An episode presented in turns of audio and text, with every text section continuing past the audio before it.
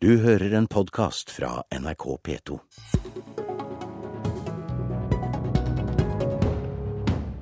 Hva betyr krisen i Ukraina for forholdet mellom Norge og Russland og samarbeidet i nordområdene? Erna Solberg og Jens Stoltenberg er gjester i Politisk kvarter. God morgen og velkommen til Politisk kvarter i NRK P2 og NRK1. Jeg heter Per Arne Bjerke. Statsminister Erna Solberg, du blir holdt løpende orientert om krisen i Ukraina. Hva er det siste du vet nå i morges? Det har jo ikke skjedd noe nytt i løpet av, løpet av natten. Det var noen positive små tegn til dialog i går, men uh, fortsatt så står jo de hovedtrekkene er der fortsatt. Det faktum at Norge har fordømt Russland for aggresjonen ved at styrkene står på, på, i Krim, det er der fortsatt. Det er konstatert, de står der fortsatt. At vi har kritisert og fordømt for truslene mot Ukraina den og bruddet på folkeretten, det er sånn at Den situasjonen er der fortsatt. Russland har brutt folkeretten. Så de to grunnleggende forholdene er til stede. Og Det tredje viktige punktet synes jeg er at når, når, Angela Merkel har tatt et initiativ til en kontaktgruppe, så noe av det viktigste som skjer nå, det er at Russland svarer på det, inngår i en strategi hvor man får dialog og diskusjon. Det ser ut som vi har ikke så høyt temperatur akkurat nå, men de grunnleggende forholdene er de samme som de har vært de siste dagene. Tidligere statsminister Jens Stoltenberg, hvor farlig er det som nå skjer på Krimhalvøya for sikkerheten i Europa, slik du vurderer det? Det er nok den mest alvorlige trusselen mot stabilitet og sikkerhet i Europa siden den kalde krigens slutt. Vi hadde jo også en veldig dramatisk situasjon i Georgia i 2008 for noen år siden, men det er jo det var en mindre konflikt og også noe større avstand. Dette er veldig et stort land, veldig sentralt i Europa.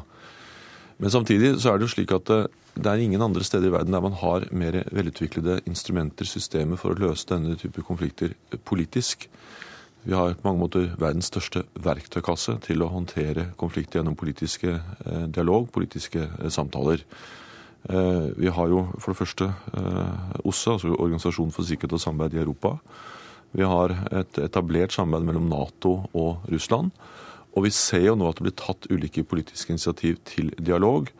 Og derfor må vi støtte opp om det som nå blir tatt av initiativ fra flere hold, for at dette skal være en konflikt som løses gjennom politiske samtaler, gjennom dialog, og ikke gjennom mer konfrontasjon. Solberg, du sa nettopp at temperaturene er litt lavere nå i morges. Men hva vil du si om hvordan dette påvirker stabiliteten i vår del av verden? Det, dette er, som, det er den vanskeligste situasjonen vi har hatt siden murens fall. Det er forskjell på Ukraina og Georgia litt i forhold til historien. Eh, Georgia var annerledes. Det er klart Ukraina har også en stor hær. Den er kanskje ikke så moderne og så så sterk som den russiske, men de har en stor hær. Det er et helt nytt politisk ledelse i Ukraina. Jeg har lyst til å berømme de for det faktum at de har klart å faktisk holde hodet kaldt. De har ikke latt seg provosere. Det har bidratt til at temperaturen nå kanskje ser ut som det er litt grann bedre enn den var, hvor vi alle var redd for akselereringen. Og så er det klart at det er nettopp disse mekanismene som Jens Stoltenberg påpeker som er viktige til å få til å fungere.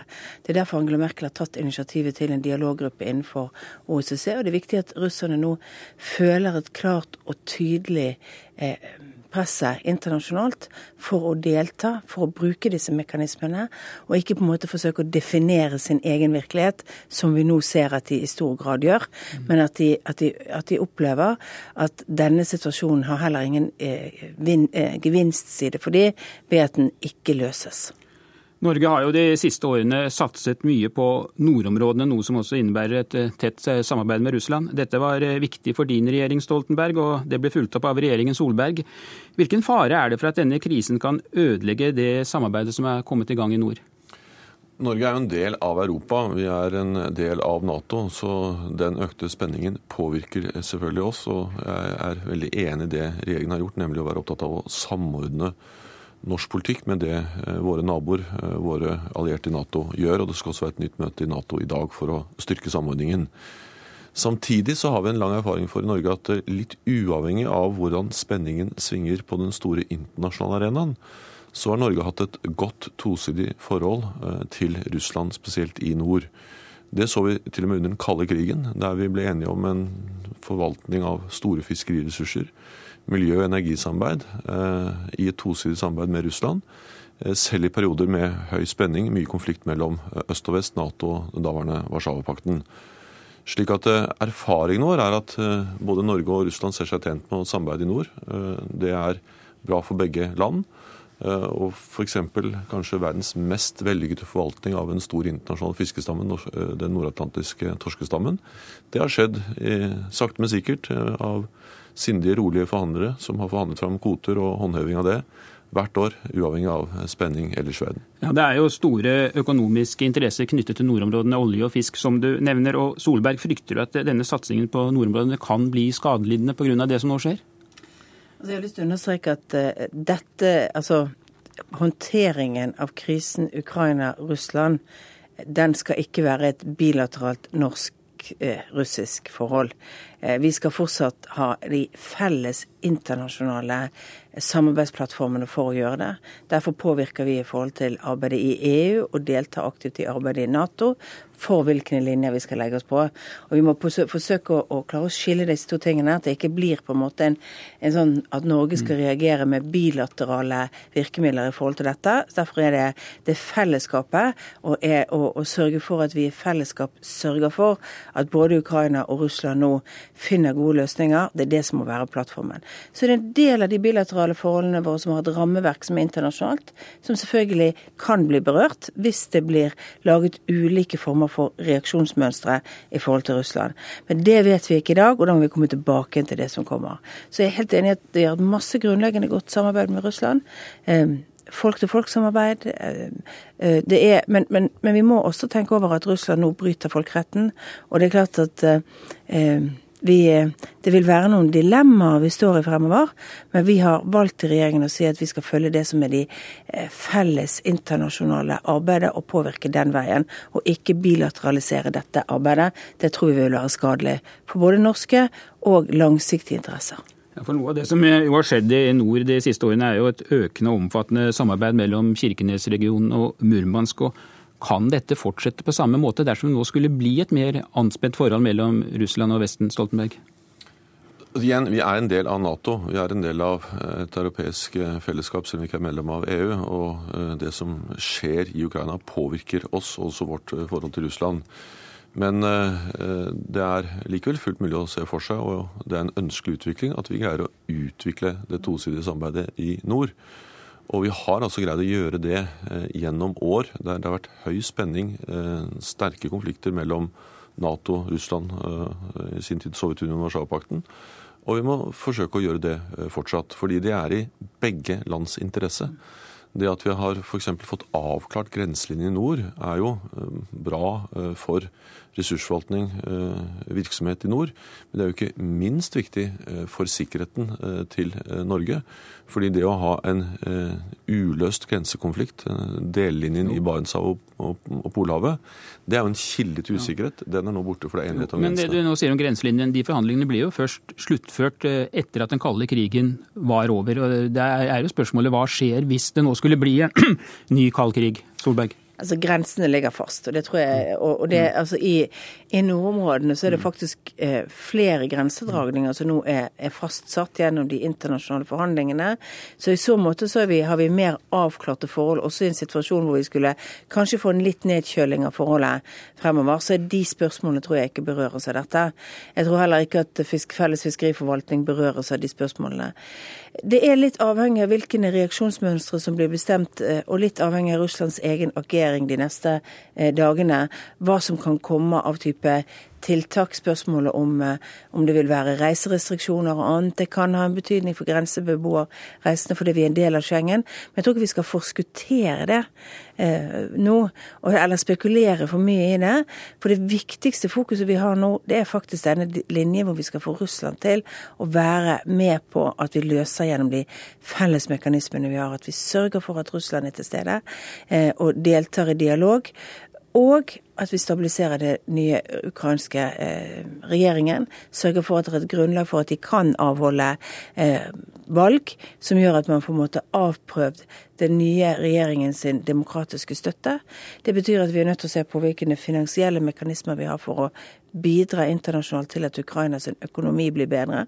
For i bunnen av dette ligger det også en veldig vanskelig økonomisk situasjon for Ukraina. Og om noen dager så begynner Paralympics i Sotsji. I går ble det klart at verken prinsesse Märtha Louise eller helseminister Bent Høie drar dit som offisielle representanter. Eh, Stoltenberg, bør eh, Norge boikotte Paralympics, slik vi boikottet Moskva eller 1980 etter invasjonen i Afghanistan? Nei, og for det første så opplever jeg ikke at det er eh, problemstillingen. Den gangen var også idretten som til slutt bestemte å ikke delta. Her skal jo Norge mm. delta i Paralympics. Men jeg forstår godt vurderingen av at, eh, at altså regjeringen ikke sender offisielle representanter eh, til arrangementene. Og Det er jo et uttrykk også for at det har vært bred enighet i Norge politisk. Det har vært konsultasjoner med Stortinget om den måten regjeringen har håndtert denne konflikten på. Og det å ikke ha offisiell deltakelse er jo en måte å markere at eh, vi reagerer på det som er åpenbare brudd på eh, folkeretten, og med den reagerer mot den militære opptrappingen som Russland er ansvarlig for. Men jeg har også lyst til å understreke at jeg er også enig med regjeringen i en annen uh, dimensjon, nemlig at det, det påhviler også uh, den nye regjeringen i Kiev uh, å være ansvarlig. De har hittil vist ansvar, det er viktig. Men også føre en politikk som er inkluderende overfor alle etniske eh, og religiøse grupper i Ukraina.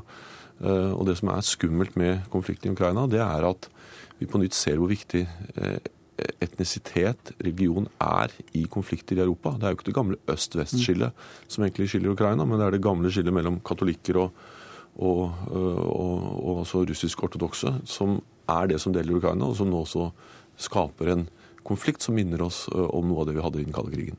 Solberg, dere holder altså tilbake de offisielle representantene. Kommer Norge til å protestere synlig på andre måter nå? Nei, vi, vi, har fortsatt denne internasjonale linjen vi, vi følger med. Det, det, er først og fremst unaturlig for oss å sende regjeringsrepresentanter eller offisielle representanter til Norge for å delta i en fantastisk idrettsfest for, for de funksjonshemmede. Og det er jo leit for de at vi ikke er kommet til den situasjonen, men det vil være unaturlig å være til stede når det er like i nærområdet foregår eh, folkerettsbrudd fra arrangørnasjonen. Det, det, det ville vært etter vår mening en uholdbar situasjon å skulle delta i, sånn som situasjonen er per dags dato. Eh, så vil vi fortsette å si at å engasjere Russland inn i dialog nå er viktig på alle de områdene vi har mulighet for å gjøre det, og påvirke direkte i den grad vi kan. Eh, på den, eh, både det verdensbildet eh, og den forståelsen som russiske myndigheter har, sier jo at vi faktisk bør tilstrebe å være i dialog, først og fremst for å forsøke å få de til å delta i de internasjonale mekanismene som finnes. Og Da er det da bl.a. denne dialoggruppen som er viktig. Det er innenfor OSSE-rammene.